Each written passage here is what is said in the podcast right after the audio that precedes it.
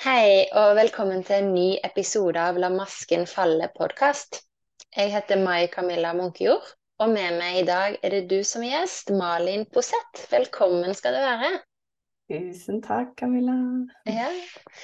Eh, jeg gleder meg veldig til samtalen vår. Og den skal handle om flere ting, men blant annet så skal den handle litt om hvem du er, og din vei inn i human design, og hva det har gjort for deg å bli kjent med human design som verktøy.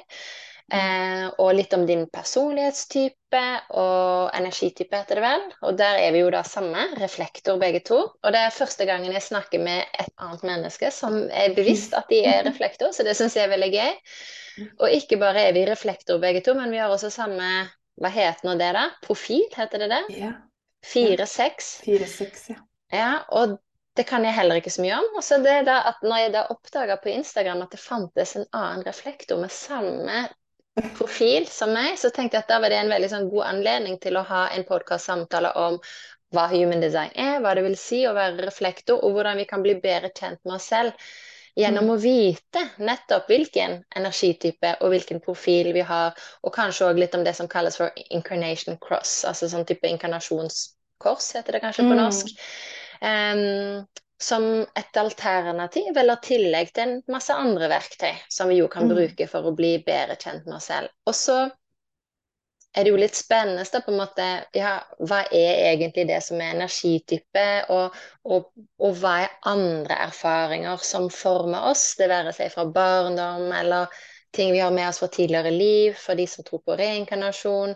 Um, så liksom, hvor lik er man hvis man har samme personlighetstype eller energitype Mm. og profil? Det syns jeg også er spennende. Mm. Så med det, Malin, vil du fortelle litt om hvem er du, og du bor i Norge, og hva jobber du med for tiden, og din vei inn etter hvert da, i human design? Ja. ja, jeg heter Malin. Eh, Jeg er jo svensk. Eh, Nå har jeg bodd i Norge i snart 16 år. Mm. Så planen var jo her å egentlig som, Jeg kom som partysvensk. Skulle være i tre måneder, tjene penger, ut og reise. Men så fant jeg samboeren min, og det ble jo ganske så raskt pappaen til barna mine, eller våre. Mhm. Ehm, så, og jeg er jo veldig, veldig glad i Norge. Jeg syns det er et fantastisk sted. Og så er det jo ikke så langt fra Sverige heller, så. Mm. Uh, men nå har jeg min bror i Norge òg, så det på en måte det blir mer altså, For meg er jo dette hjemme. Mm. Um, I dag så jobber jeg som tannhelsesekretær uh, inne i Oslo. Og uh, jeg, ved siden av så jobber jeg som breathwork coach, altså pustecoach. Mm. Eh, også utdannet yogalærer, så jeg er jo veldig glad i å jobbe med mennesker. Eh, Mm. Og det kommer vi jo kanskje litt til selv når vi skal snakke litt om både reflektor, altså det å være reflektor, men også vår 4-6-profil. Det her med at vi er veldig glad i å samle folk og community. Mm. Eh, det er jo jeg veldig, veldig glad i. Mm. Um, ja, du må bare spørre videre. Ja, jeg kan spørre ja, litt. sånn, altså- bare, hvem er jeg? Ja, og en ting er jo ja, sant, hvem du er, og en annen ting er jo hva du gjør, ikke sant? Mm. Mm. Men tann, tannhelsesekretær, ikke sant? yeah. Eller tannlegesekretær, og Mm. yogalærer og Mm. breathworker. En breathworker er jo det på en måte noe av det jeg har sett litt av deg på Instagram. Vil du si litt om hvordan jobber du da? Eh, framfor alt så jobber jeg mye over Zoom. Eh, jeg har mitt eget lille community som eh, stille og rolig vokser. Eh, der vi puster eh, i hvert fall én gang i uka. Eh, og for meg er det så fint, så jeg sitter da og veileder folk. Eh, Mm. Har på litt musikk og veileder de i forskjellige pusteteknikker. Mm. Og så får du også en mulighet til etterpå å, å dele. Og det, Mm. for meg er det så fint det her å få, få ukjente mennesker til å være trygg i gruppe. Ehm, for det merker jo, det er mange som savner det. Det er ikke mange som kanskje alltid har den tilhørigheten. Mm. Ehm, men også det å føle seg trygg. Altså jeg har menn som kommer inn og gråter, jeg har kvinner som deler om ting de har opplevd i livet. Eh, det kan være traumer, det kan være det kan være ting man vil gjøre òg. Man kan også bruke pusten til å få energi eller motivasjon eller inspirasjon. Mm. Um, så vi gjør litt forskjellig under disse sessionene. Uh, men for meg er det det her magiske når folk kommer ut etter en session og bare Når de sitter sånn og bare Ja, de har jo kommet i kontakt med seg selv, for det er det det handler om. Mm. Selv om vi bare tar tre pust, eller om vi ligger intime og puster, så handler det om å gå ut av hodet og ned i kroppen. Mm. Og det kjente jeg jo litt, litt igjen når jeg har lest boken din, og det er jo veldig mye sånn du også har jobbet de siste årene. Det her er å komme i kontakt med kroppen. Mm. Uh, og jeg tror at nå, nå, om noen gang, så er det Altså, det er så viktig. Jeg får jo til og med frysninger når jeg prater om det. Ja. ja, jeg er enig med deg. Tilbake til kroppen, tilbake til her og nå. Mm. Det er nå vi Mm. lever. yes. Liksom, mm, så du skaper et fellesskap der du hjelper gjennom pust de Mm. deltakerne som kommer til å fø- føle tilhørighet og trygghet, og komme Mm. tilbake til seg selv her og nå, og det som de trenger å møte i seg selv, da. Vil du Ja. si at det er på en måte mø selvmøter? Altså møte med seg selv? Det er egentlig det du Mm. Veldig Men- mye. Men i som- en gruppe. Ja, ikke sant. Og jeg har jo også en til en, altså det kan man også ha, men eh, og begge deler er så, det er så fantastisk. Eh, men jeg tror kanskje det som er mest magisk med å jobbe i gruppa, er det at altså jeg har folk fra USA som puster, jeg har folk fra Sverige, fra Norge. Eh, selv om vi er en liten gruppe, så er det så utrolig fint det at ja, at man Jeg tror mange kjenner seg igjen, på en måte. Altså selv om Igjen tilbake til din bok. Altså Det er mye jeg kan kjenne meg igjen i, selv om vi har levd så ulike liv. og det ikke, Jeg har aldri opplevd de type traumene som du eh, skriver om i boken, og det du har opplevd. Men jeg tror det er så viktig for oss, for oss alle å forstå. Mm. Og også det at, at du får lov til å bli hørt, på en måte. At du får lov å fortelle din historie. Sånn her var det for meg, eller sånn her er det for meg. Mm. Eh, og så kan jo en pustesession også være veldig speisa. Det er noen som bare Oi, det er så bare masse farger, og det var superdeilig, og altså, ikke sant. Det kan være veldig sånn, og det kanskje du også opplevd når du sitter i meditasjon. Noen Mm. ganger gir det ikke mening, sant. Mm. Uh, og noen ganger kan det være kjempetøft. Plutselig ligger man og skriker og gråter for ting kommer opp. Mm. Uh, men da er det også viktig å vite at du er på en trygg plass. Og jeg Mm. sitter jo der og veileder og kan jo fort se hvis noen ja, Det kan være i bevegelser, eller man ser at tårene rinner, eller Og da kan det bare være så godt å høre at Å få i øret sitt og bare høre at det går fint. Husk å Mm. puste. Fortsett. Ikke sant? At man Mm.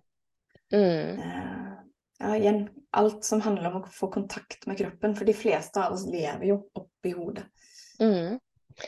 Ja, og jeg, og jeg gjør det i stor grad fremdeles, selv Mm. om jeg også mange ganger til dagen er bevisst på å koble meg på kroppen, så er det liksom at det er fort gjort å bli litt stressa og bli litt analytisk og få pusten litt opp i halsen. og- Mm. Mm. Bare ved å være en del av vårt samfunn, ikke sant? Ja, absolutt. Eh, jeg gjør det mye òg. Jeg pendler jo til Oslo fram og tilbake. Og så er det hjem, barn, kjøring hit og dit. sant? Mm. Men så er det liksom bare å minne seg selv på de få gangene når man kjenner at man er her oppe. Og bare Mm. få ta noen pust. Man Mm. kommer så langt ved. Bare å hente seg litt inn igjen. Mm. Mm. Mm.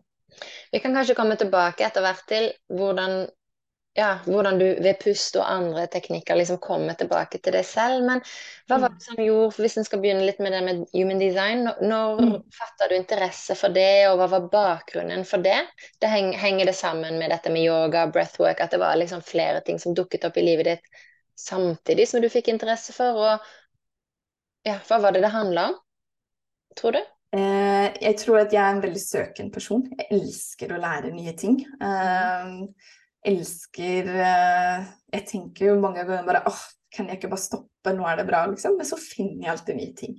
Eh, og det er jeg også veldig glad for at jeg, at jeg gjør. Eh, jeg kan liksom mye om litt, istedenfor at jeg graver ned i én ting og bare helt nerden i meg. Mm. Um, så jeg tror, bare, jeg tror bare human design har liksom kommet. Det er sikkert om noe Jeg husker liksom ikke noe spesifikt. Uh, men jeg tipper på at det var en gang 2018-2019. Um, og da når jeg fant ut at jeg var reflektor, så var jeg bare sånn åh, Hvorfor må jeg være en av de 1 prosentene som er reflektor? Hvorfor må jeg være så annerledes? Det var min første reaksjon. Og nesten litt sånn irritert ble jeg. Mm. Men så jo mer jeg leste, så var jeg bare sånn Oi, jeg kjenner meg så igjen. Eh, og jeg har vært interessert i astrologi og sånne ting òg, men jeg følte at human design det var enda mer spesifikk, egentlig. Også selv om det er et veldig komplisert system, på en måte lettere. Um, men så er det jo det som er slitsomt å forstå da, som reflektor, det er jo hvor mye energi vi tar inn. Mm. Men også er det en, en, deilig, på en måte en litt sånn lettelse å forstå at oi, er det derfor jeg kan bare komme inn i et rom og bare Oi, her skjer det noe. Eller når jeg møter et menneske så man bare blir helt varm i hjertet. Jeg tror mm. det er fordi vi tar inn og virkelig Ja, vi speiler jo mennesker uh, og tar inn energier. Og det høres kanskje rart ut for mange, men jeg vet ikke hvordan du opplever det. Det er liksom ja, hvordan du opplever det egentlig, å møte andre mennesker også, i forhold til at du har funnet ut at du er reflektor. Mm. Ja, sant. Um, jeg, det, det, tok kanskje litt tid før jeg forsto at jeg var sensitiv. For det var liksom mm. det første jeg plukket opp. da, liksom Begrepet høysensitiv, og kanskje med Märtha Louise ikke sant, i sin mm. tid med engleskole og fjær og sånn. Og, og, og, så liksom, ok, høysensitiv, da, da, ga det litt mening at jeg at jeg blir lett påvirket da, av andre, mm. Av andre. Både andre energier og stemninger og mennesker og sånn. Og så på en måte Eh, og så ellers, det som jeg var bevisst, det var at jeg gikk jo veldig lett i liksom, litt sånn panikk, da. Eller mm. altså hvis andre var stresset, så ble jeg hyperstresset. Hvis andre var lei seg, så ble jeg enda mer lei seg. Altså jeg liksom mm. ja, tok veldig til med andre sine følelser, og tok over, ofte ansvar for andre sine følelser. Mm. Spesielt for partner, barn, eh, foreldre og andre. ikke sant? At hvis de følte noe, så følte jeg at det var min skyld eller mitt ansvar. Og så, å, så det, liksom, det var veldig lett å bli veldig oppkavet for meg, da. Og, og til og med sånn type meltdown ikke sant, etter hvert. At jeg liksom mm. det, kunne, det, kunne, lett bli for mye da, følelser. Og så var det jo da hvordan håndtere det. Så Etter hvert så gikk nok jeg som er voksen inn i en sånn type litt sånn nummenhet. Mer sånn mm. ganske sånn avskåret. At ja, men ting er greit, og ting går bra. Og nå løper jeg bare veldig, veldig fort i hamsterhjulet mitt, og så, så må jeg bare gjøre, gjøre, gjøre og prestere, prestere. Mm. Så jeg kom liksom inn på det sporet. Og så og så da jeg oppdaga at jeg var reflektor, det, det oppdaga jeg sånn omtrent samtidig som da jeg oppdaga at jeg også har en autismediagnose. Eh, mm. og, og, da lurte jeg litt på å ja, kanskje autisme og reflektor henger litt sammen, sånn som autisme for, kan forstås. da, For det er jo, det, det er jo i så fall en såkalt høytfungerende autisme det er snakk om for min del, og uten mm. alle mulige slags tilleggskomplikasjoner. Og jeg tror jo at i dagens samfunn så tenker man gjerne om autisme at da tenker man autisme pluss alle de tilleggsvanskene som en del mm. mennesker har. Mens autisme som sådan tror jeg egentlig mer handler om oversensitivitet for enkelte ting og mm. undersensitivitet for enkelte ting. Og kanskje en litt, sånn litt åpnere kanal opp mot det kreative eller opp mot guider eller sånn. Og det mm. skulle jo stemme godt overens kanskje òg med reflektortypen. Jeg vet ikke, jeg kan liksom så, så, det vet ikke jeg, da. Og så hvis ikke, da, så er jeg jo på en måte en såkalt traumatisert De fleste tror jeg mm. er traumatisert, da, men liksom traumatisert reflektor med, med en sånn type autismediagnose. Så det er jo liksom noen flere mm. ting der som jobber sammen. Ja. Eh, samtidig med en sånn overprestasjon og overansvar som kompenserende mønstre, da. I stedet mm. for f.eks. spillegalskap eller narkomani. Ja. Så har jeg vært den derre overpresterende og overansvarlige. Mm. Inntil jeg gikk på veggen for tre år mm. siden. Eh, og så begynte en sånn veldig snu opp ned nesten på alt. Prøvde å gi slipp på det meste av det jeg hadde identifisert meg med, og så prøve å komme da i kontakt med men hvem er jeg bak alle mine tanker og følelser og forståelser og identifikasjoner og merkelapper? Hvem er jeg bak mine prestasjoner? Mm. Eh, og da fikk jeg jo øye på mine relasjonelle vansker. Da. For det er jo det som på en måte mm. har vært det vanskeligste i mitt liv. Det er nære, nære relasjoner. Mor, barn mm. og, og mann, kone. Mm. Mm. Og det liksom å mestre de relasjonene på en litt mer balansert måte, da, er det jeg jobber med mm. nå. Mm. Eh, så jeg vet ikke Det var liksom bare en sånn lengre Et lengre svar, da. Men eh, ja så har jeg liksom ikke festa meg helt ved hva betyr egentlig det å være reflektor, utover at jeg kjenner at jeg Jeg føler meg veldig annerledes, mm. forskjellig, avhengig av hvem jeg er sammen med. Mm. Og jeg òg har enormt stor nysgjerrighet for alle mulige slags ting og identifiserer meg mye med det. Så en periode så gikk jeg på en sjamanutdanning og følte at jeg var sjaman. En periode så bodde jeg i Kamerun og følte at jeg må jo ha bodd i Kamerun før, for jeg passer jo perfekt inn her. Har aldri følt meg mm. mer hjemme som akkurat her. Så bodde jeg i Finnmark. Da var jeg nå finnmarking fra dag én og var helt sikker på at jeg hadde vært samisk før. Og dette er før jeg visste at jeg var reflektor. Sånn at mm. mannen min også sier liksom ja, hvilken versjon er det som kommer frem i dag? Og det, det vil vise seg. Ja. Og jeg kjenner meg så igjen akkurat i det der. Og sånn har jeg også vært. Det er jo i forhold til at når man blir kjent med å være reflektor, så man tenker tilbake litt. Jeg husker framfor alt når jeg flyttet til Oslo. sant? Igjen, jeg var partysvensk. Og det var jo så mye klubber, og ene dagen var det rockebar. Ja, men da måtte jeg jo kle meg litt sånn mer rocket. Og så skulle vi hiphop-bar. Nei, men da måtte jeg ha bagbykser. Og det har jeg jo skjønt nå. Det var jo bare for hele tiden den kameleonen som vi reflektorer er. Mm. Det var for å passe inn. Ikke fordi at jeg var usikker, egentlig. Det var bare sånn åh, nei, jeg vil ikke heller stikke ut. Jeg vil være som de som er der.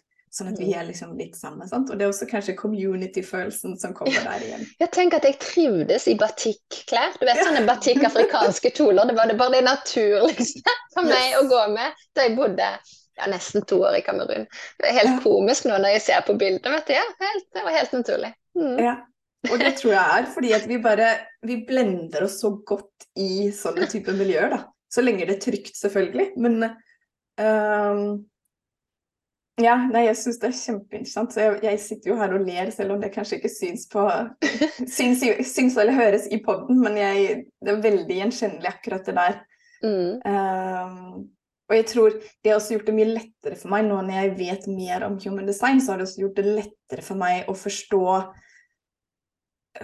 fordi at når jeg var yngre, så kunne jeg ta på meg andres energier. Hvis noen kom inn i et rom og var sint, så tenkte mm. jeg oi, nå har jeg gjort noe feil. Det var noe jeg sa, det var noe jeg gjorde.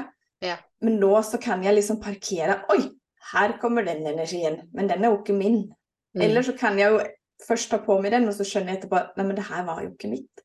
Mm. Eh, og det samme er litt som du sa, at plutselig går man på en sjamanutdannelse fordi at en eller annen har pratet om det. men bare åh, nå vil jeg også bli sjaman. Det høres kult ut. Eller åh, nå blir jeg yogalærer. Eller ja.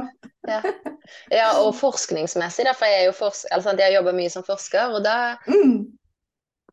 Da har jeg på en måte, det, det som får være fint med det, var at jeg var veldig uredd. ikke sant? Sånn at mm. jeg publiserte i antropologiske og geografiske og entreprenørskapsfaglige tidsskrift, og etter hvert sykepleierfaglige tidsskrift mm. og pedagogiske tidsskrift. Jeg liksom det spilte ingen rolle for meg, liksom. Jeg hadde et kunnskapsbidrag som passa her eller der, eller sånn, og så husker jeg flere sier men hvordan kan du publisere der? Du er jo ikke Nei, men jeg påstår ikke at jeg er heller. Jeg bare Nei. gir et kunnskapsbidrag som de tilfeldigvis liker å identifisere med seg med, og så passer det inn. Så det har vært mm. veldig gøy da, å deltatt i mange diskusjoner, men en sånn, en kritisk, et kritisk blikk på det vil jo være å si men, men hva er egentlig spesialiseringen din? Ja, men spesialiseringen er kanskje det å sette seg inn i nye felt og se sammenhenger der mm. Ja, se sammenhenger på tvers av grenser. Og, og nå da, så er det jo på en måte dette her med spiritual science som jeg er veldig opptatt av, og, og autoetnografi, og bruke forskeren som kropp og forskeren som subjekt, og verdien av erfaringer, og at vi skal mm. tilbake fra det såkalt generelle og statistiske, som egentlig jeg syns er ganske uinteressant, da, til det personlige og individuelle og person-centered på alle mulige vis. da. Mm. Eh, så, så, sånn sett så er det jo litt eh, Sånn sett kan det være gøy å fortsette i akademia, samtidig som at jeg ikke må det. Sant? Hvis jeg mm. nå på en måte blir uspiselig og for radikal for akademia, hvis det mm. skulle skje, så tenker jeg at da er også det greit. på en måte. Ja. Så det er litt sånn spennende da, å være litt sånn i ytterkanten av det som anses som normalt. Ja, ikke sant. Eh, og ikke minst at du tør det, tenker jeg. For det er jo det å på en måte gå ut av en boks mm. eh, som kan være superskummel. Men så tenker jeg at også, sånn som det høres ut, så er det litt sånn ja, ja. litt sånn Det ordner seg, på en måte. Ja, nå er det litt sånn at det ordner seg, ja. og det har jo alt å gjøre med tror jeg, at jeg valgte å publisere den boken 'La masken falle'. Mm. Fordi at eh, på en måte da jeg vågte det, mm.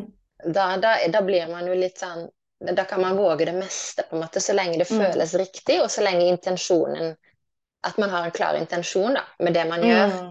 Mm. Eh, så kan det liksom koste litt, men så gir det også kolossalt mye. Da. Så jeg føler jo at det koster meg en hel del, selvfølgelig, mm. og ut i den boken, men at det òg ga meg mye. Og ikke minst da mer og mer sånn trygghet i hvem er jeg, og at jeg er her for å være meg. Eh, og ikke nødvendigvis for å please eller tilpasse eller imponere eller alt dette her, ikke sant, som en gjerne ellers er opptatt av.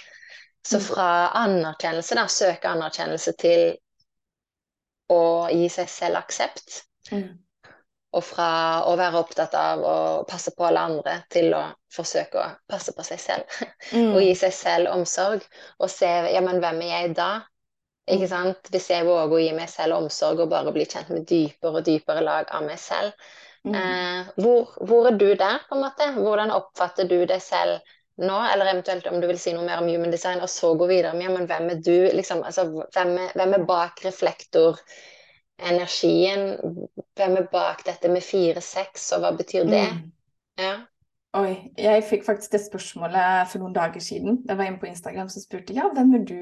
Og så begynte jeg sånn Jeg tenker sånn, Gamle meg hadde jo sagt ja, jeg er tannhelsesekretær, jeg er ditten datten. Så har jeg vært sånn Hvem er jeg uten alle disse labelene eller rollene? Jeg klarte ikke å komme fram til noe. Jeg bare Det er litt som du sa, ja, hvem er det jeg møter i dag? Sant? Hvilken rolle tar jeg på meg? Og det Jeg tror det er fordi vi er så sinnssykt gode på å reflektere, på en måte, og ta inn. Um, men jeg er jo litt som du sa òg, altså det her med høysensitivitet var jeg jo inne på selv også. Uh, mm. Men jeg tror det, reflekt, altså det å være reflektor ga meg enda mer mening, egentlig. Eh, også i forhold til at når jeg lærte meg altså resten av familien sine design også, så har jeg jo mm. skjønt hvorfor jeg blir så sinnssykt sliten noen ganger. Mm. Uh, for vi har jo helt fire forskjellige design, um, hvilket gjør at det kan gå høyt og lavt. Uh, mm. Og jeg da som tar inn Oi, den er sliten, den har masse energi, og der har vi en kombinasjon av begge to. Mm. Ikke sant? Men jo mm. mer jeg lærer om human design, desto mer på en måte tryggere blir jeg litt på OK, her er min energi, den trenger jeg ikke å på en måte, Eller jeg trenger ikke å ta på meg en generatorenergi som bare jobber hardt, eller manifestoren som kanskje er litt sliten akkurat nå. sant? Mm. Um, og jeg syns akkurat det spørsmålet det er så vanskelig. Um, men jeg tror bare Jeg er liksom en person som, som er veldig, veldig glad i mennesker. Uh, veldig nysgjerrig. Det er jo litt sånn jeg mm. bare det når jeg har lest din bok òg. Altså jeg blir sånn Jeg har jo tusen spørsmål til deg. sant? Mm. Uh, og bare når du prater nå også jeg er jo sånn Nå vet jeg jo, har jo fått lest mye om din oppvekst òg, så det er jo liksom litt sånne ting jeg elsker å dykke ned i når jeg møter mennesker. Det er liksom Ja, din oppvekst, hva har den gjort med deg, på en måte, og den du er i dag? Mm. Um, så jeg er jo en person kanskje som reflekterer mye. Um, mm. Men så vil jeg si også, jeg, jeg kom altså selv om jeg er inne i vonde ting, eller Jeg vil si at jeg har hatt et veldig, veldig enkelt liv. Eh, mm. Noen ganger så føler jeg nesten at det er urettferdig, fordi jeg har hatt et fint liv. Jeg har en familie som alltid har støttet meg, og fortsatt gjør det, og alltid elsket å være sammen med venner, og også hatt mange venner. Mm. Eh, det, kan, det, ser jeg også mer nå, for jeg ser jo i forhold til mine barn, de er 10 og 14. Mm jeg ser jo hvor slitsomt det kan være å være ungdom, eh, snart tenåringer begge to, eller en av de i hvert fall. Mm. Eh, og jeg opplever ikke selv at jeg har hatt et sånt liv i det hele tatt. Mm. Eh, og det er også litt interessant i forhold til hvor forskjellige du og jeg er da akkurat der, for der er vi jo superforskjellige, selv om vi er reflektorer og 4-6. Mm. Men det tror jeg også litt som du var inne på, at um, det har nok mye med traumer og oppvekst å gjøre. Mm. Men det som jeg syns er så fint, altså, når man leser i din bok, og som du også sier nå, det er jo det at det å ta tak i ting, da. Altså det at du har blitt bevisst om ting. Eh, for jeg mm. tenker det er så mange mennesker som bare legger lokk på det, orker ikke å kjenne, orker ikke å føle. Mm. Og du har jo vært, tenker jeg, hatt det brutalt vondt og ja, tøft mange ganger. Var gjennom å gå gjennom sånne minner som det du har vært. Mm. Nå får jeg frysninger igjen. Det er liksom Mm. Um, så der har vi nok hatt veldig forskjellige liv. så det tenker jeg også, sant? Men det tenker jeg også, igjen, sant? du har reflektert og tatt inn din omgivelse som ble helt annerledes fra min. Så jeg tenker mm. du er ikke noe rart i det hele tatt. For mm. meg er du helt naturlig. Mm. Uh, og det er jo også når jeg leste om mange av de episodene som du skriver i boken, så sitter jo jeg Jeg kjenner kanskje det ofte i halsen, jeg blir liksom kvalm. Mm. Jeg, får liksom, jeg, får så vondt, og det er nesten som at jeg kjenner det du har opplevd. Og det er jo mm. også noe som jeg har gjort mange ganger, litt sånn skal jeg redde hele verden, sant. Uh. Hvis noen har det vondt, så skal jeg hjelpe til å være der. Mm. Um, ja, jeg vet ikke om det var noe svar egentlig på spørsmålet ditt, men Jo, du er nysgjerrig, og du er reflekterende, og, og så var det dette her med at du tenker at den vi er som mennesker, handler jo ikke bare om energitype og profil, men også om hva vi har med oss, f.eks. fra mm. barndom, og det vi da på en måte reflekterte Altså hva som på en måte ble speilet inn i oss da, i barndommen. Mm. Og så er det mm. dette her som du sier så fint, at når du leser ting, så lever du deg veldig inn i det. Det er som om du kan kjenne hva den som skriver, følte, mm. eller hvordan de hadde det. Så takk for empatien. Og så er det det der med liksom, det der å sette sunne grenser rundt den empatien, da, fordi at du skal gjøre dine ting, og du skal selvfølgelig hjelpe, og det gjelder meg òg. Jeg, jeg, har òg kalt at jeg har hatt et hjelpesyndrom. Da. Det tror jeg er litt sånn typisk hvis man egentlig, iallfall for min del, da, trenger mye hjelp selv. Så for å holde det hjelpebehovet unna, så jeg, har jeg vært veldig opptatt med å hjelpe alle andre, da. Eh, mm. Eh, det har vært noen sånne merkelige I etterkant av sånne merkelige episoder liksom, der jeg blir sittende ikke sant, med noen mennesker jeg ikke kjenner på bussen, og google og ordner og gir råd og i det hele tatt. Og på en måte er det sikkert fint, det, altså. Og noen ganger så mm. har jeg, har jeg fått vite i etterkant at de følte at det var en engel som kom og satte seg, og på en måte mm. bare satt i én time og lyttet og ordnet og ga tilbakemeldinger. Men andre ganger har jeg tenkt at Ups, nå ble jeg kanskje litt vel invaderende her, på en måte, for det er ikke mm. sikkert at Jeg vet ikke, sant? Jeg vet ikke helt om dette mennesket trengte det, da, men ofte når jeg kom hjem, da fortalte mannen min ja, så snakker jeg med noen i bussen, eller jeg Altså liksom, Her har du snakka om det så personlig med et menneske du ikke aner Hvem er det da? Nei, jeg vet ikke, det er ikke så farlig for meg hvem det var, liksom. det var nå et fint menneske som, som åpenbart hadde behov for å snakke om det. Jeg tror det, liksom. ja. Der, jeg er helt lik det kunne vært meg du prater om. Jeg er helt lik og jeg, jeg, elsker mennesker. Og jeg, jeg er der og jeg hadde også kunnet sitte sånn Havner også gjerne i sånne situasjoner. Noen ganger så tenker jeg sånn åh, hvorfor meg? Eh, mange ganger jeg har, vært, jeg har vært mye på sånne kakaoseremonier, eh, hvor vi sitter, drikker seremoniell kakao, og ja, det kan være alt fra dansing til eh, at man gjør forskjellige Litt sånn som kanskje du har vært gjennom eh, eh gestaltterapi, nei. Mm, ja, jeg har vært gestalt og hypnoterapi ja. og psykodrama, hele pakken. ja, ikke sant. At man, ja, man er jo der og møter mennesker, og så mm. alltid så var det sånn Det blir alltid på en måte naturlig. Ikke noen som tvang seg, eller noen som sa at nå sitter du der, men det ble alltid en sånn En som gjerne ville skrike høyt og, og, og hadde som jo gi slipp på. Jeg bare sånn Gamle meg hadde jo bare Å, herregud, å, hvordan går det, og jeg skal passe på deg. Men så kommer jeg liksom inn i det og blir mer kjent med meg. og bare Litt sånn som du sa, at jeg trenger ikke å redde alle. Noen mm. må liksom bare De må bare få ordne seg selv. Eller så kan de selvfølgelig be meg om hjelp, men jeg trenger ikke alltid å bare Ile sånn til. har jeg vært. Yes. Mm. Mm. Ja, så det er spennende. Denne, denne fire-seks-profilen, på en måte Jeg har forstått det sånn at fire er liksom det vi er bevisst på, og seksen er det vi beveger oss mot. Stemmer det? Og kan du mm. si litt om det? Ja. Altså, nå er ikke jeg eksperten på det her, men uh, framfor alt vår sekser er jo litt interessant. Fordi uh, den er på en måte oppdelt i tre mm. faser i vårt liv. Mm. Så vi lever altså fra 0 til 30, så lever jo vi som en treer. Og da treerne de er sånne som prøver og feiler. Mm. Hele tiden. Det er sånn eh, Jeg har jo en datter som, som, jeg bare kan ta som eksempel, som kan finne på de mest rare ideene som jeg vet at det fungerer ikke, men hun må bare få lov å prøve.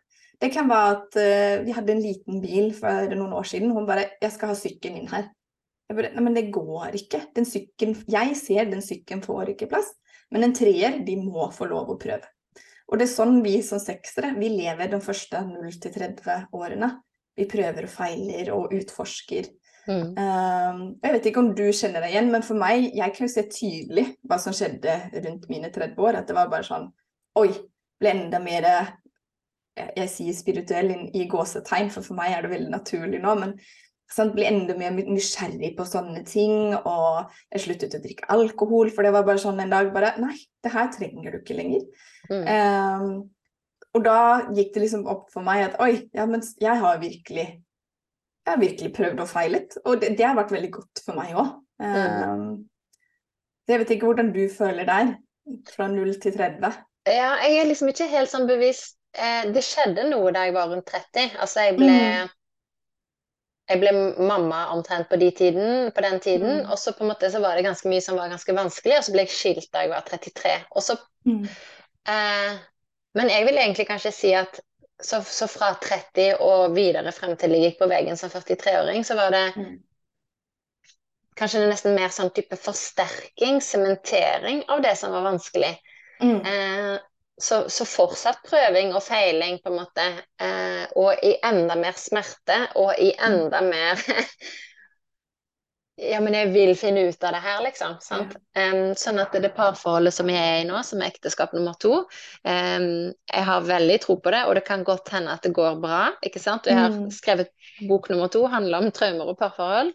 Mm. Og jeg har fått veldig sånn Jeg føler at vi skal forsøke å løse dette sammen, og vi er sammen for en grunn, men knalltøft!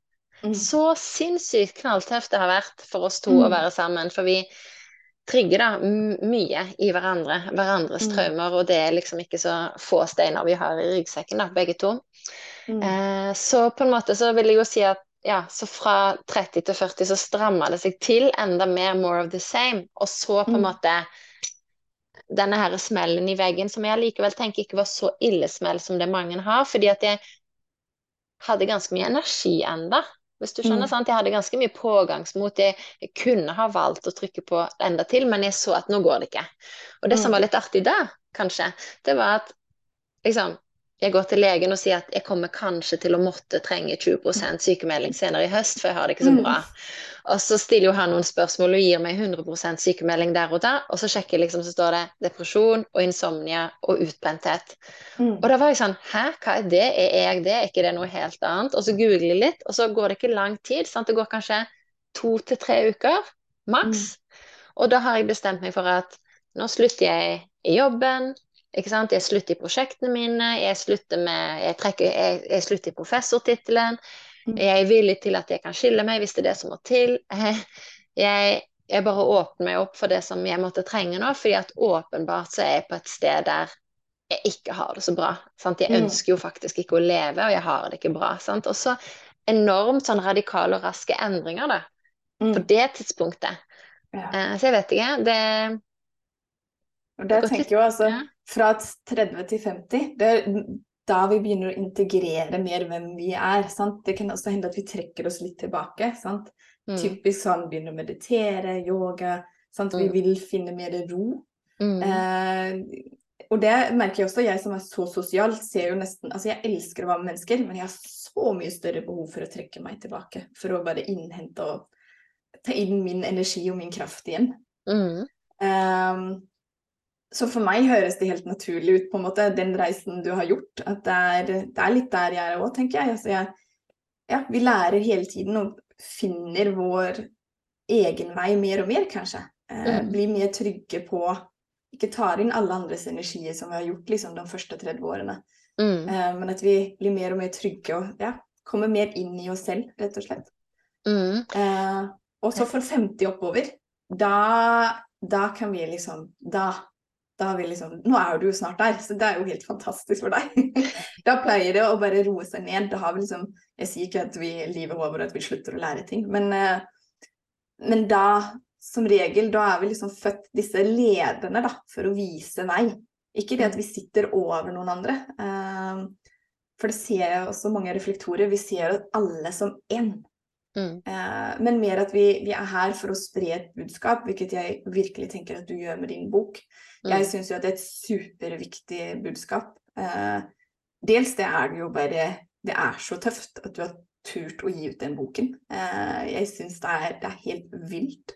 Jeg sitter jo nesten sånn og bare Noen ganger glemmer jeg at du har gitt ut boken. Når jeg leste den, så var jeg sånn Skal hun gi ut det her? Men så har du hele tiden så fine og reflekterte på en måte svar, også fra nære og skjære, helt på slutten. Det var jo også helt sånn Ja, e-posten fra din pappa, der satt jo jeg med tårer i øynene, for jeg bare wow. Ja, nå blir jeg tårerøyd igjen. Mm. så den her reflektoren som bare kjenner inn alle energi. Mm. Um, men jeg syns jo altså den boken der, den er jo Den er så viktig. Uh, I forhold til at det er så mange av oss som lever med så sinnssykt mye traumer, og litt som du sier òg, trenger ikke å være noe stort. Mm. Noen ganger er det bare ja, som du nevnte, din tante i boken, som sa en ting som bare stakk så dypt i deg. Det er jo traume. Mm. Det kan være noen som har sagt noe skolen, på skolen. Sant? Hvis noen sier en eller annen gang 'oi, stygg kjole', mm. plutselig har det gjort noe med deg for resten av ditt liv, selv om det var kanskje ikke så vondt ment. Mm. Men i deg så har det gjort noe, sant. Mm. Eh, og derfor er din bok bare dødsviktig. Eh, og ikke minst for å vise andre at oh, man kan gi ut noe som er så skummelt og så sårbart. Mm. Bare der er du jo superforbilde. Ja, takk. Jeg synes også, En del av meg syns òg at den boken er veldig modig, og at for så vidt det jeg skriver på Instagram, syns jeg også er veldig modig. Og, og, de nye bøkene. Altså at det er veldig modig, men det er et eller annet med at jeg tror at Ja, jeg vet ikke helt hvor det er, da. Er det noe med Reflektor 460, eller har det med Incarnation Crosset mitt å gjøre? Det vet jeg ikke, men det føles som at jeg skal forsøke da, å være så tett på min erfaring som mulig, og sette mm. ord så godt jeg kan, da, sette ord på mine erfaringer. Eh, og gjerne med følelser, sant. Mm. Uh, eller litt sånn poetisk, eller i hvert fall lettfattelig. Og det er jo ikke at det har vært så bevisst, på en måte, fordi boken ble jo skrevet veldig veldig raskt. Mm. Så det var jo mer at jeg bare åpnet meg og tok imot den boken som kom som en foss i løpet av et, et par uker. Og så brukte jeg jo tid på å revidere den og sånn etterpå lite grann, og kjenne etter dypt. ikke sant? Kan jeg virkelig ut i dette her? og blir det i så fall i mm. mitt navn eller under pseudonym eller under roman? Og når jeg da visste at nei, det er min bok, og det er i mitt navn, så var jeg veldig trygg i det. Og mm. så kan jeg jo si, så gikk det jo litt tid, og så skrev jeg bok nummer to på samme måte. Mm. Og etter å ha skrevet bok nummer to på samme måte, den kommer ut nå neste vår, um, så skjønte jeg ordet forfatter. Apropos hvem er jeg? Altså, ja, men jeg skal faktisk skrive bøker, liksom. Å ja, er det det jeg skal? Så nå er jeg mer bevisst, da. At det er kanskje det er det viktigste jeg skal gjøre. Jeg skal formidle og skrive bøker. Mm. Og kanskje primært da om hvordan vi kan transformere traumer til vekst. Og òg mm. å vise hvordan traumer, sånn som du sier, da, er vanlig og mye vanligere enn vi tror. Og at det handler om mm. hva er det som såret meg, hva er det som skapte en blokkering i meg og min kropp som gjør at jeg har utvikla enten noen feilaktige tanker om meg selv, eller jeg har utvikla noen begrensende forståelser, eller jeg mm. holder meg selv tilbake. Og så liksom det å vise, vise hverandre da, at veldig mange av oss har sår og de sårene har vi en tendens til å bagatellisere og ignorere, mm. fordi at såpass burde vi tåle. Og det er liksom bare det, såpass burde vi tåle, at bare der krenker vi oss selv. For det er ikke sant at vi burde tåle såpass. Hvis det er et sår der, mm. så skal vi gi såret omsorg og oppmerksomhet yes. og, og, rense det og, og, få på et plaster. Ikke mm. sant? Absolutt. Ikke, ja, Noen av oss kan kanskje til og med da sette på Donald-plaster og på en måte gå litt tilbake da, og være litt femåring igjen. Og, mm. og holde rundt seg selv og sitt indre barn og mm. puste sånn som du gjør, og lære andre mm. å gjøre. Fordi at liksom være til stede da med det som er vondt mm. fra den gang da. Fordi mm. at jeg vet ikke hva du tenker, men jeg tenker jo at våre minner har ikke tid. Mm. Sånn at våre gamle minner er like levende i oss da, frem yes. til vi eventuelt tar var, altså, sant, ser de mm. og gir slipp. Mm. Eh, hvis, ja, så lenge vi holder fast på det og vi ikke vil se på det og ignorere det, så ligger det jo i skyggenes dal. Og i min skyggenes dal, indre skyggenes dal, har det jo vært helt vanvittig mye å, mm. finne, å finne, da, for å si det sånn. Ja, ikke sant. ja. Ikke sant. Men jeg er helt enig der, og jeg pleier å si, eh, både i min eh, når jeg gjør breathwork, men også hvis jeg møter folk og man prater litt sånn som du og jeg gjør. Jeg ser traumer som en kapsel som sitter et eller annet sted i kroppen. Mm. Og de kan sitte der i så mange år, og de kanskje ikke ens husker hva det er. Og så mm. plutselig en dag så bare kommer det et minne, og så er det bare sånn oh shit. Og det viktigste man kan gjøre da, det er å åpne opp denne kapselen. Mm. Og bare løfte på det, eller om du ser det som et, et lokk. At du bare du åpner opp. Og ja, det er vondt, men jeg, jeg tror virkelig på at med riktig hjelp, selvfølgelig, altså å finne Det syns jeg også er fint at du har prøvd litt forskjellig. Mm. For det tror jeg mange stopper. Sant? De blir sendt til en psykolog eller lignende, og så kanskje ikke ens klaffer med psykologen, og så stopper det der. Og så mm. går man bare tilbake, kanskje lukker igjen denne kapselen, eller man åh, nei, uff, eller man kanskje ikke ens tenker over hva det, hva det er. Mm. Så jeg tror også det er det viktigste, og det er jo det jeg jobber mye med med pusten, er jo akkurat det å åpne opp disse kapslene. Ja. Uh, selv om det altså, Det er som jeg sier, alt kan komme opp når vi puster. Det kan være mm. ja, noe som noen sa til deg når du var fem år, eller det kan være noe som skjedde forrige uke. En kollega mm. som sa noe. Mm. Oi! Man har ikke tenkt over hvor vondt det faktisk var, eller hvor mm. ubehagelig det var, kanskje, eller hva man har opplevd. Uh, så jeg tror virkelig på det, at det er så viktig uh, å ta grep om de tingene. Ja, og så tenker jeg at det som er viktig å, å, å, skape bevissthet om, det er at hvis vi ikke møter oss selv, og hvis vi ikke åpner opp disse blokkeringene, ikke åpner opp kapslene, så er de der og suger energi. Sånn at det så slutter, Altså vi har lavere og lavere og lavere kall det livsenergi, eller lavere og lavere, mindre og mindre strøm på batteriet, for de som liker den metaforen. Og så til mm. slutt så ligger vi jo der i vår delvis utmattelse og, og, rigide, stive kropp og vondter her og vondter yes. der og symptomer her og der. Og så har vi kanskje 8% batteri, 8 ikke sant, strøm på batteriet. Og da mm. er det jo fordi at vi bruker all vår annen livskraft på å holde nede og holde tilbake alt det som lengter etter å komme til overflaten. Mm. Så det i seg selv jo, burde jo være en motivasjon, eller kan være en motivasjon og en invitasjon til å se nærmere på den smerten som vi mm. ubevisst, ubevisst ofte da bærer på. Uh, ja, og velge, liksom. Det syns jeg er litt spennende. Da. Hvis jeg nå får et symptom, mm. at jeg da spør symptomet hva er ditt budskap til meg? Yes. Og det syns jeg er jo kjempespennende. Så jeg har hatt veldig mm. mye forstoppelse i mitt liv. Mm. Kronisk forstoppelse, så jeg trodde det var normalt. Og så mm. hadde det jo litt med kost, eller det hadde mye med kost å gjøre. Men nå når jeg spiser mat jeg tåler, så får jeg fremdeles av og til forstoppelse, men det er faktisk i hermetegn, for det er ikke reell forstoppelse, men det er hele følelsen. Jeg bare kjenner hele kroppen er forstoppet. Og da mm. er det jo noe jeg har, er redd for å se på, eller noe jeg har motvilje og mot å ta imot. Og det, mm. da jobber jeg virkelig liksom bevisst med å tillate meg selv da, at det også nå skal få komme frem, det som nå lengter etter å komme frem. Jeg vet ikke. Virkelig. Jo, mm. jeg, jeg, tror at det er superviktig. Uh, og jeg tenkte på noe nå mens du prata, men så det forsvant. Men det kommer sikkert igjen. Mm. Um, men ja, jeg er helt, helt enig med deg. Virkelig. Har du noen symptomer som du kjenner igjen, som kroppen som ønsker å fortelle deg noe? Ja, absolutt. Altså, jeg har også mye mage. Mye mm. magetarm. Um, jeg har hatt psoriasis. Um, det er også en autoimmunsykdom. Nå er ikke jeg lege, så jeg skal ikke si noe, men den er jo borte. Ja. Det er jo Jeg tror veldig mye at vi har veldig mange symptomer fordi det er traumer og stress og sånt som sitter i vår kropp. Mm. Um, og det er også selvfølgelig Jeg har også jobbet mye med kosthold, uh, mm. men nå kan jeg jo spise gluten uten at kroppen reagerer. Eh, så jeg hadde så vond akne f.eks. at jeg kunne ikke sove på siden. Ja. Eh, så mye sånne ting, egentlig. Sånn er det jo en nakke noen ganger som gjerne setter seg, og jeg husker jo hva det var. Det var rundt jeg var 17-18 år. Og en kjæreste da, som jeg var veldig veldig glad i, han, eh, han, knuste jo totalt hjertet mitt. Jeg var borte en helg, og han hadde fått seg en ny kjæreste. Ja. Uh, og etter det satt jo det i nakken, og der og da skjønte jo ikke jeg at det var det. Eh, og jeg husker at mamma og pappa tok meg til legen og fikk migrenemedisin, men jeg hadde jo ikke migrene. Mm. Ikke sant? Eh, og det er ikke først jeg ble voksen og fått jobbe med de tingene.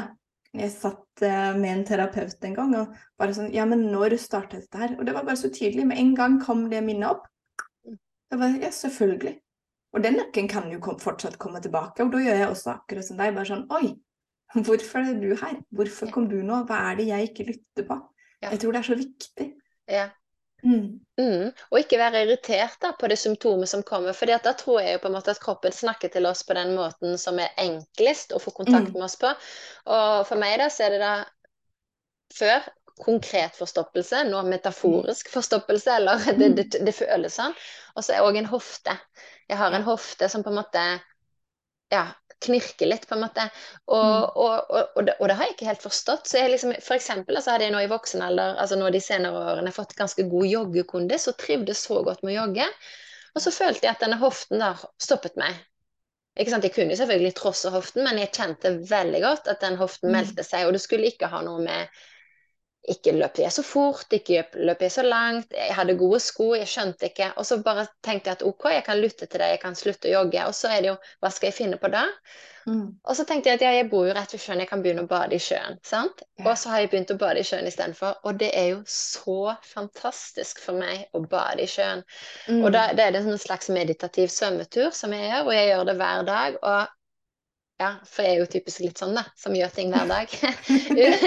så lenge, altså men Jeg syns det er helt fantastisk. Jeg føler jo at det er selvomsorg de luxe Så bruker de. Det tar Mm. meg 40 minutter sant, å gå ned, svømme, opp igjen ca. 40 minutter, alt Mm. sammen, for vi bor så nært.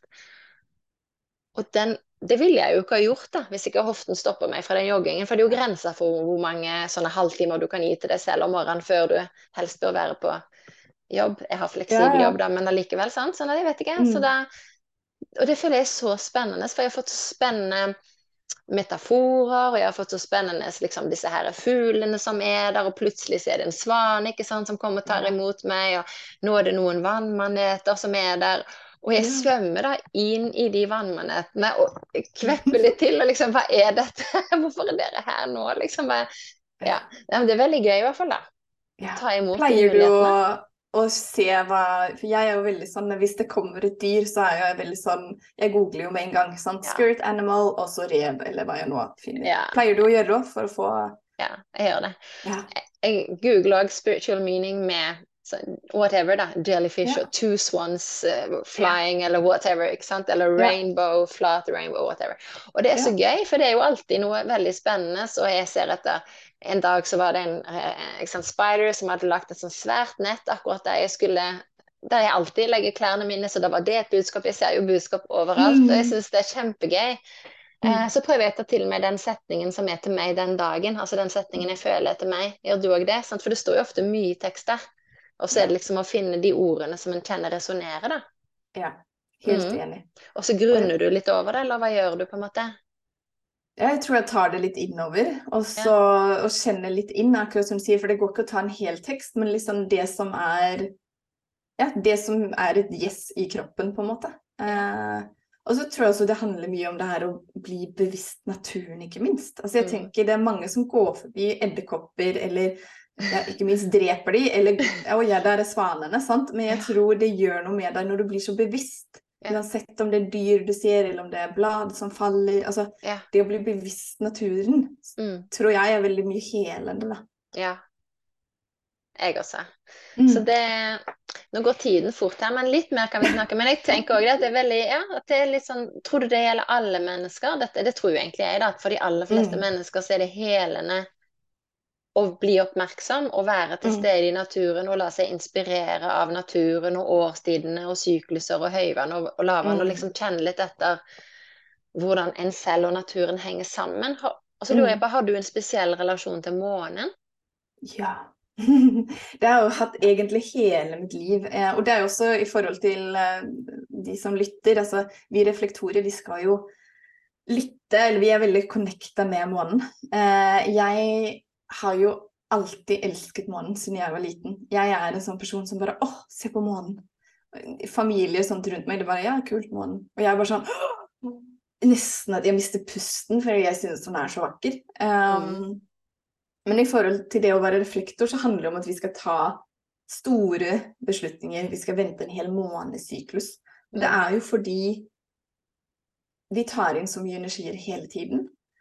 Eh, eksempel, vi sier at du spør meg om podkast, og jeg sier ja, det vil jeg være med på den ene dagen. Og så kanskje jeg kjenner dagen etter at nei, uff, nei, det her hadde jeg ikke lyst på i det hele tatt. Hadde jeg Nå skjønte jeg jo ikke det, da, men jeg tok det bare som, som eksempel. Hvis jeg er usikker, så kan jeg si til deg, vet du hva, gi meg en måned, så kommer jeg tilbake. Og det er jo ikke alltid du kan ta de. sant? Skal du kjøpe et hus, du kan ikke si vent en måned, og så tar vi budrunde. Men litt sånn når du er litt usikker som reflektor, så kanskje om du venter ja, noen dager, og så kjenner du inn etter hvert. Mm. Oi, er det det her jeg vil gjøre? Er det altså full body yes, som jeg pleier å si? Eller er det sånn åh, det her sånn, føles litt uggent i kroppen. Det er ikke helt 100. Eh, så ja, jeg jobber jo mye med månen også. Jeg elsker jo å holde nymåneseremonier eller fullmåneseremonier. Eh, og det syns jeg også er fint, altså i forhold til når jeg har det i min breathwork, eh, altså med de som puster. Mm. Noen elsker å jobbe med månen, noen er bare sånn vet du hva, det, månen gir meg ingenting, jeg bryr meg ikke, men jeg syns det er fint. Bare det å Altså ved nymånen så pleier man da å så nye frø. Mm. Eh, og på fullmåne så pleier man å gi slipp. Så mm. jeg tenker også det er så viktig, selv om du ikke føler at å, oh, wow, månen, og det føles kanskje veldig sånn wo-wo, wa-wa-wiwa, altså veldig spirituelt for noen, um, så tenker jeg at det er bare det å være bevisst, sant. Du trenger ikke Det kanskje høres veldig rart ut når du og jeg prater om at vi sjekker opp hva dyrene betyr. Da tenker jeg det, bare se på den reven, ikke sant. Yeah. Uh, det er liksom bare det med bevisstgjøring, for jeg tror også vi er så mye hode, og vi skal rekke ting, og vi skal Det er mye folk, og plutselig står vi i kø, og ikke sant. Mm. Men jeg tror bare hvis man stopper opp litt og bare ser seg litt rundt, som du sier også med svømmeturene dine Oi, her kommer maneten. Hvorfor kom de her? Eller hvordan reagerer kroppen? For du delte jo her om dagen at bare æsj. Liksom, bare det å bevisstgjøre, sant. Men det er jo sant? Hvorfor føler jeg sånn her, egentlig? Ja. Uh, ja, det er jo det å stoppe opp. Du kjenner små mikrostoppene, nesten. Ja. I hverdagen. Ja, og så liksom kjenne den følelsen for, for min del jeg får i kroppen da, når det av og til kommer noen liksom store måker, og så mm. svømmer de mot meg, eller de svømmer ikke, nå snakker jeg om når de flyr, da, så flyr de mot meg, og kanskje litt sånn lavt. Og så nesten sånn sånn mm. ærefrykt eller et eller annet, eller jeg sender en tanke til Måken Jonathan, eller jeg bare liksom Takk for at du er her, takk for at du passer på meg, takk for at du viser meg at jeg har sterke vinger og jeg flyr, eller whatever mm. er, liksom. At jeg bare. Wow, så heldig jeg er altså for å være her, liksom, i dette mm. flotte, deilige, ganske kalde sjøvannet, og bare kjenne at at jeg tåler det så godt, liksom. Og at jeg bare kjenner at kroppen roer seg. Også noen morgener hvis jeg er litt stressa, at det er noe som har skjedd, og som satte meg litt ut. Og, da, og så da bare kjenne at jeg, jeg bare mm. er til stede og gir slipp mm. på det, og gjør meg klar for en ny dag. sant? Ja. ja igjen, du går jo ut av hodet i de stunder og ned i kroppen. Mm. Inn i hjertet. Altså viktigste, kanskje vondeste stedet å være noen ganger, men også viktigste stedet. Mm. Uh, det å kjenne. Mm. Kanskje vi skal mm. avslutte med det. Hvordan er det for deg å gå inn i hjertet? Hvordan gjør du det, og hva vil det si for de som ikke vet det? Hva vil det si å gå mm. inn i hjertet? Mm.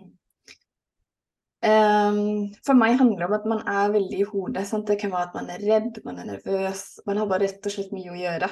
Uh, og du tenker 'jeg har ikke tid', 'jeg har ikke lyst', du orker ikke. Altså, det kan jo bli veldig mye sånn negativt prat når vi er oppi hodet. Mm. Eh, eller bare sant, hvis du har barn, at du, de viser en tegning, og du bare 'Ja, den var fin'. Altså du ikke tar deg tid til den, den, den tiden de har brukt for å skape noe, f.eks. Ja. Eh, så for meg, jeg bruker jo da mye pusten for å komme ned i kroppen igjen. Og det kan være alt fra tre pust til at jeg ligger i en time. Mm. Um, og for meg, det er jo altså Det må jo nesten oppleves, men det er jo det at man man føler rett og slett at man er i kroppen, og alt føles så levende. Og ting som du stresset kanskje før du begynte å puste, de mm. er bare ikke der. Det er bare sånn 'Å ja, klesvasken, den kan vente, det er ikke så ille'. 'Å ja, du har ikke støvsugd, ja, det går fint'. Eller 'Oi, mm. så fin tegning barnet mitt har tegnet'. Mm. Den vil jeg altså, Eller sånn 'Oi, så mye tid den har brukt', og hvilke farger bruker du? Hva tenkte sant? At du er mer Det er for meg, da, å gå inn i hjertet. Mm. Eller bare en samtale som med deg og meg. At jeg mm. lytter. At jeg hører på hva du sier. At jeg ikke bare tenker på OK, hva skal jeg si neste gang? Uten at jeg er her, og jeg lytter på deg.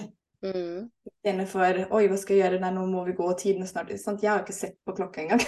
Nei.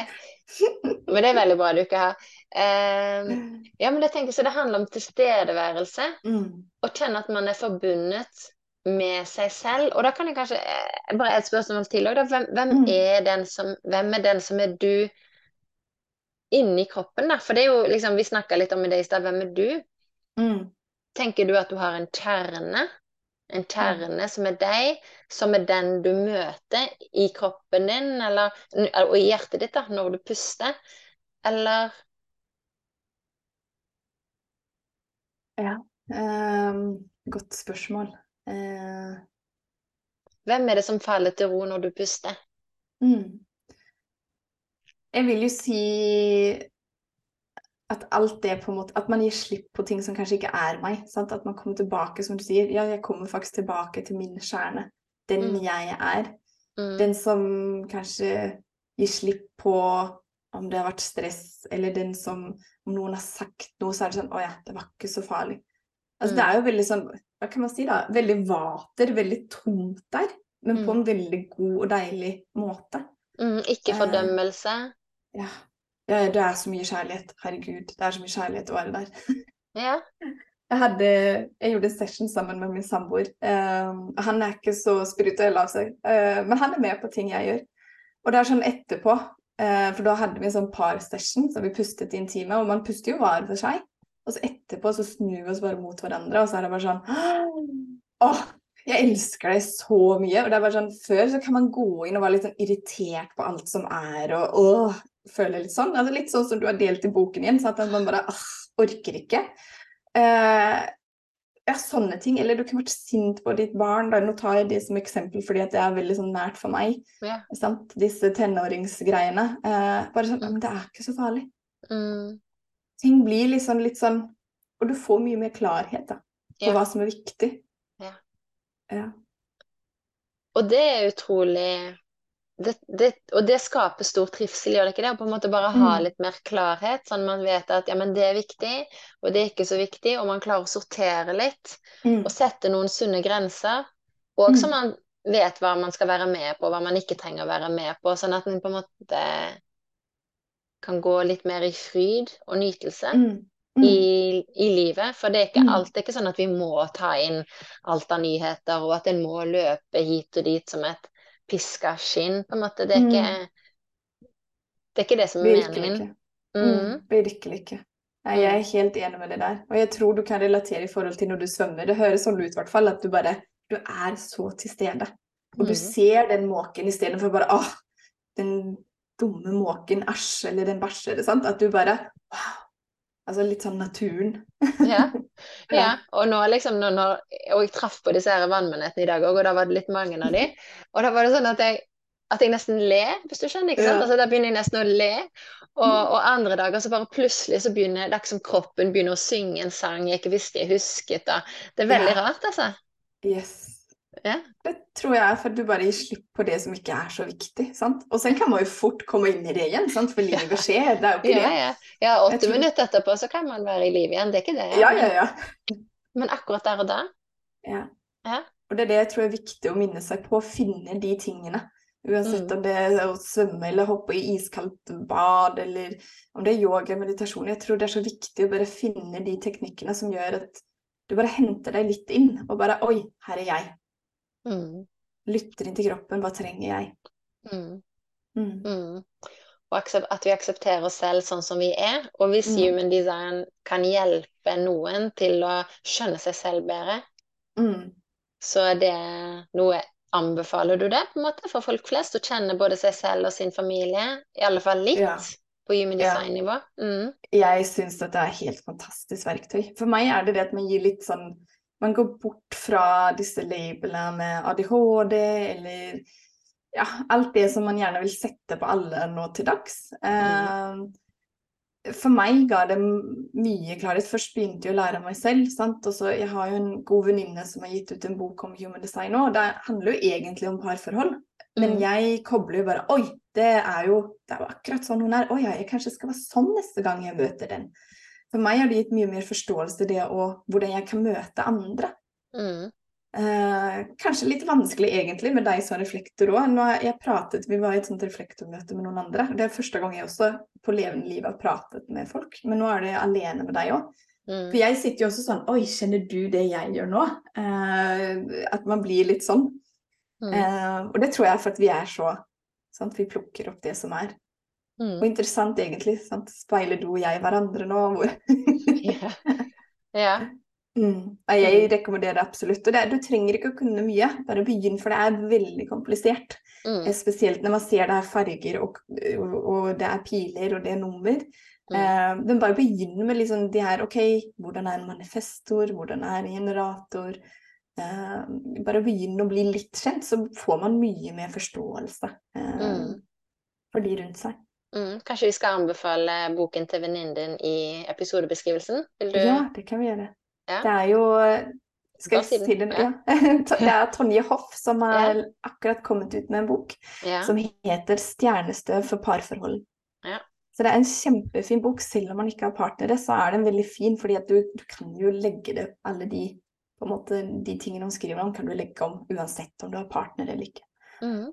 Mm. Veldig bra. Vi kan legge den i episodebeskrivelsen. Det har vært så Mm. fint å snakke med deg. Hvis noen ønsker å vite litt mer om breathwork, at de kanskje har lyst til å vite mer om deg eller breathwork eller noe av det andre du tilbyr, hvor finner de deg? Eh, Framfor alt på Instagram, hadde jeg sagt. Det er der jeg kanskje legger ut mest. Og der heter jeg Begin Within. Altså, det er altså begin punktum within. Mm.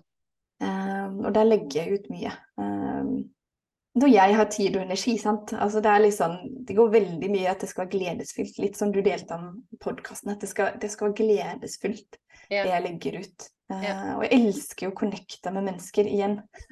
Yeah. Jeg får ikke nok mennesker i livet mitt. Uh, så det er et veldig fint sted å, å skrive til meg, eller bare følge meg hvis man ønsker det. Veldig bra. Da legger jeg Mm. den også. Uh, Mm.